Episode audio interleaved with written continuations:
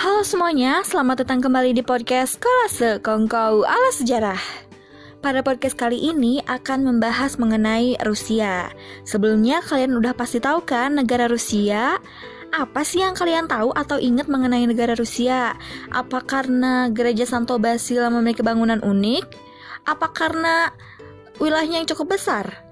Atau bahkan nih karena salah satu kartun yang terkenal ayolah siapa nih yang suka nonton kartun dari Rusia apa pun itu seenggaknya kalian udah tahu dan mengenal tentang Rusia Nah, pembahasan di podcast kali ini mengenai revolusi yang terjadi di Rusia. Ternyata, negara Rusia yang kita ketahui saat ini pernah mengalami revolusi yang besar. Mau tahu gimana berlangsungnya revolusi yang terjadi di Rusia? Yuk, simak podcast ini sampai selesai ya.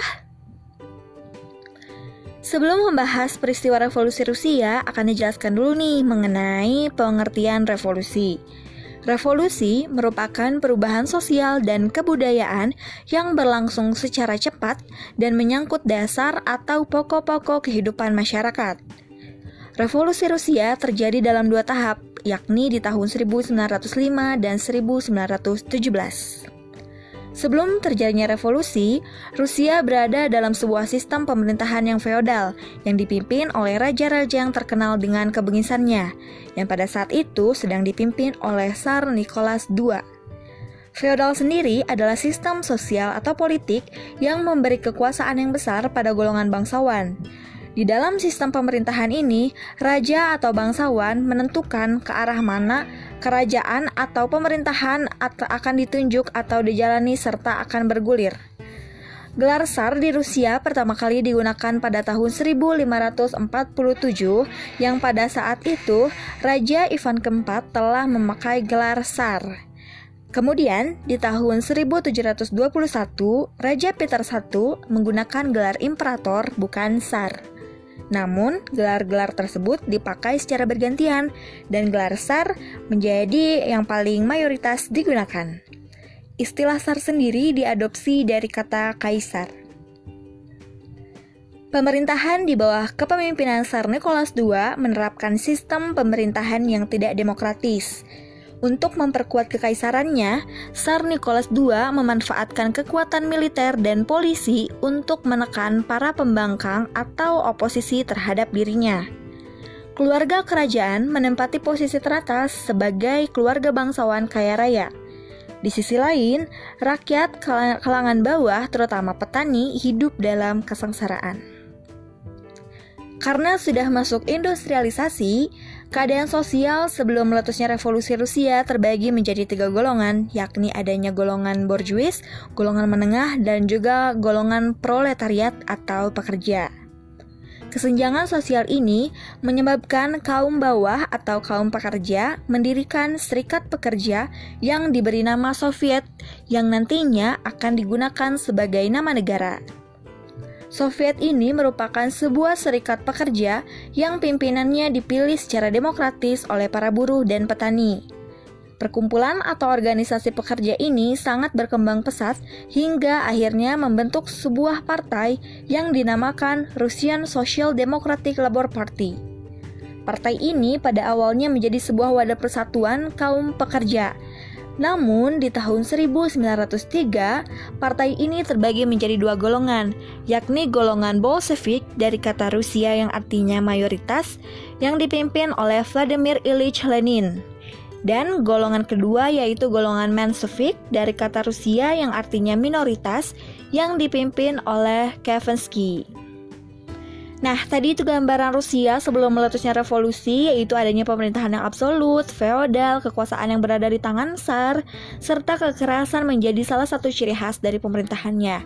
Kemudian ada stratifikasi sosial atau perbedaan kelas, yang intinya ada orang kaya dan juga orang miskin.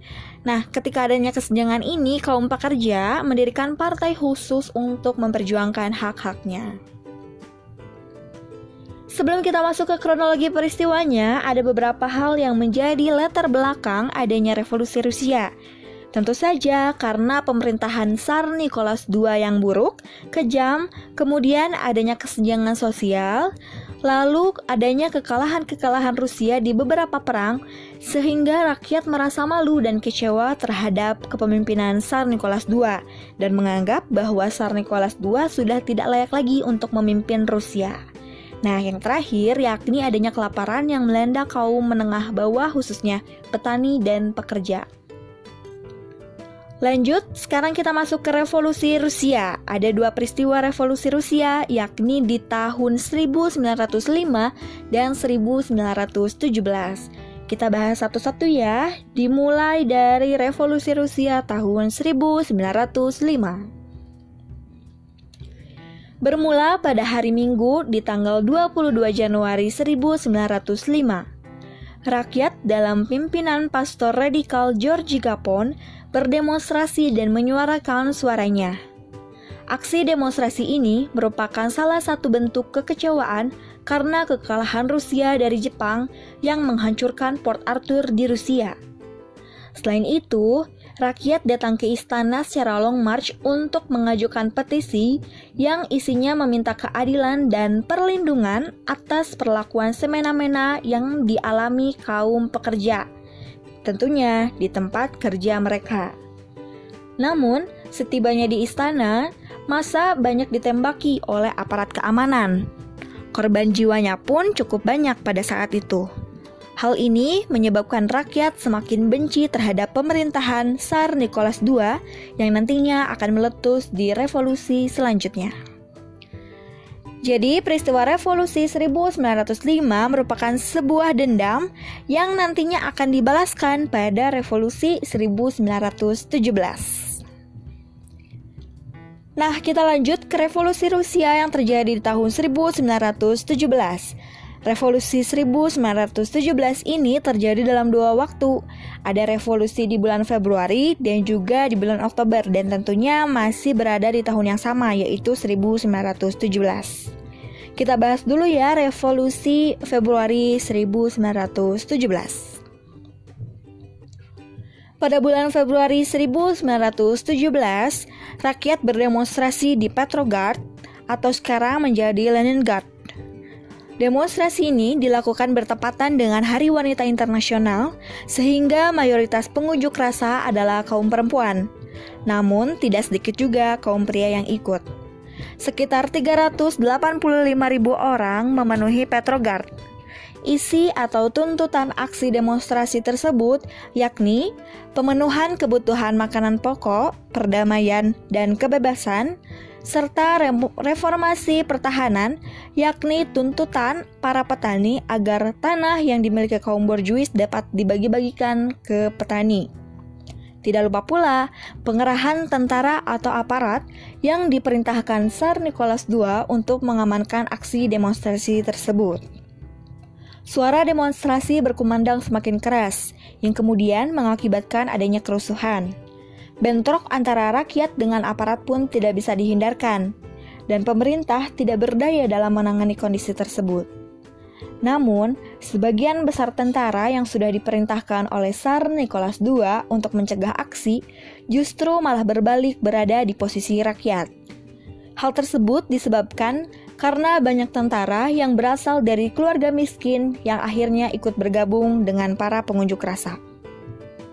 Dalam waktu lima hari, lima kota di Rusia sudah mampu dikuasai dan pada tanggal 28 Februari 1917, kelompok revolusioner berhasil menangkap para pejabat dan memaksa Tsar Nicholas II untuk turun tahta. Kemudian, Tsar Nicholas dibuang atau diasingkan dan sejak saat itu berakhirlah kekuasaan dinasti Romanov di Rusia. Sejak saat itu, adanya kekosongan kekuasaan karena Tsar Nicholas II sudah turun tahta Kemudian dibentuklah pemerintahan sementara. Nah, mungkin itu gambaran revolusi Rusia di bulan Februari 1917 yang berhasil menggulingkan Tsar Nicholas II dari pemerintahan. Kita lanjut ke revolusi bulan Oktober dan dalam masih ta dan dalam tahun yang sama yakni di tahun 1917. Tadi mungkin sudah disinggung ya sedikit mengenai pembentukan pemerintahan sementara. Pemerintahan sementara berada di bawah golongan Mensevik yang tadi sudah dijelaskan sebelumnya, merupakan golongan minoritas yang terpecah dari partai pekerja. Pemerintah sementara berada dalam kepemimpinan Alexander Kerensky.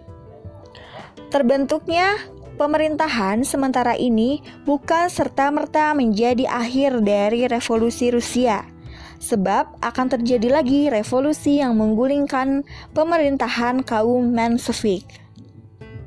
Selama berada dalam pemerintahan kaum Mensevik, para pemimpin sosialis radikal merasa bahwa Kerensky dengan kaum Menseviknya bekerja sangat lamban, sehingga Rusia membawa dalam perubahan yang sangat lamban pula. Jadi cita-cita Rusia dibawa atau dicapai dengan secara lambat. Nah, kelemahan ini dimanfaatkan oleh kaum yang satunya lagi, yakni kaum Bolshevik, golongan mayoritas partai pekerja yang dipimpin oleh Vladimir Lenin. Lenin menggerakkan rakyat kelas bawah atau proletar untuk bersama-sama ikut dalam revolusi demi mewujudkan negara tanpa kelas. Usaha Lenin dibantu oleh Leon Trotsky. Di bawah pimpinan Trotsky dibentuklah Red Guards atau pasukan merah untuk melawan kepemimpinan kaum Menshevik. Jadi, seluruh kekuatan militer dipersiapkan sedemikian rupa untuk ikut dalam revolusi. Pasukan-pasukan tadi ditempatkan di beberapa tempat penting di Rusia untuk menghalau golongan anti-revolusi atau yang tidak setuju dengan revolusi. Pada tanggal 24 dan 25 Oktober 1917, pasukan yang tadi sudah disiapkan bergerak menuju Istana Musim Semi untuk menahan anggota pemerintahan yang sedang rapat. Tak lupa juga terjadi aksi berdarah dalam peristiwa tersebut. Hal ini justru didukung penuh oleh rakyat yang sama-sama menginginkan percepatan dalam mewujudkan cita-cita Rusia. Pada Kongres kedua tanggal 25 Oktober 1917 di Petrograd, dicapai sebuah keputusan yaitu menerima kepemimpinan Bolshevik yang berada di bawah pemerintahan Lenin. Nah, pada tahun 1917 dan pada revolusi yang kedua ini terjadi penggulingan kekuasaan yang semula dipegang oleh kaum Menshevik dalam kepemimpinan Kerensky menjadi dikuasai oleh Bolshevik dalam kepemimpinan Lenin. Jadi, kaum Menshevik hanya memimpin Rusia selama beberapa bulan saja. Gimana nih? Udah kebayang gimana kronologi revolusi Rusia? Dan pastinya revolusi ini sangat berpengaruh ya bagi Rusia maupun dunia internasional. Di Rusia sendiri, negaranya menjadi negara komunis. Vladimir Lenin merupakan orang yang mempraktekkan ajaran Karl Marx atau Marxisme. Ideologi ini berkembang hingga ke beberapa negara seperti adanya gerakan nasionalisme di Cina, Kamboja, dan Korea Utara. Bahkan dampaknya hingga sampai ke Indonesia atau Hindia Belanda pada saat itu. Berdirinya Partai Komunis Hindia Belanda yang ideologinya dibawa oleh Sniflit dengan nama ISDV atau Indies School Democratis Vereniging, sorry, Indies Social Democratic Vereniging yang nantinya berubah menjadi Partai Komunis Indonesia. PKI ini sangat berkembang pesat dan meyakini bahwa bersatunya kaum pekerja atau buruh akan meruntuhkan negara kapitalis atau Belanda pada saat itu. Partai ini kemudian dilarang karena dikabarkan terlibat dalam gerakan 30 September 1965. Sedikit informasi nih, Vladimir Lenin menjadi presiden setelah berhasil menggulingkan kaum Menshevik. Kemudian ia meninggal di tahun 1924 dan digantikan oleh Joseph Stalin yang sebelumnya menjabat sebagai sekjen Partai Komunis Uni Soviet pada saat pemerintahan Lenin. Stalin memiliki sifat kejam, sering dijuluki sebagai manusia baja. Nah, itu tadi penjelasan mengenai revolusi Rusia serta pengaruhnya. Semoga apa yang disampaikan melalui podcast ini bermanfaat dan dapat dipahami oleh para pendengar. Terima kasih sudah mendengarkan podcast edisi Revolusi Rusia. Tunggu podcast-podcast sekolah selanjutnya ya. Bye-bye.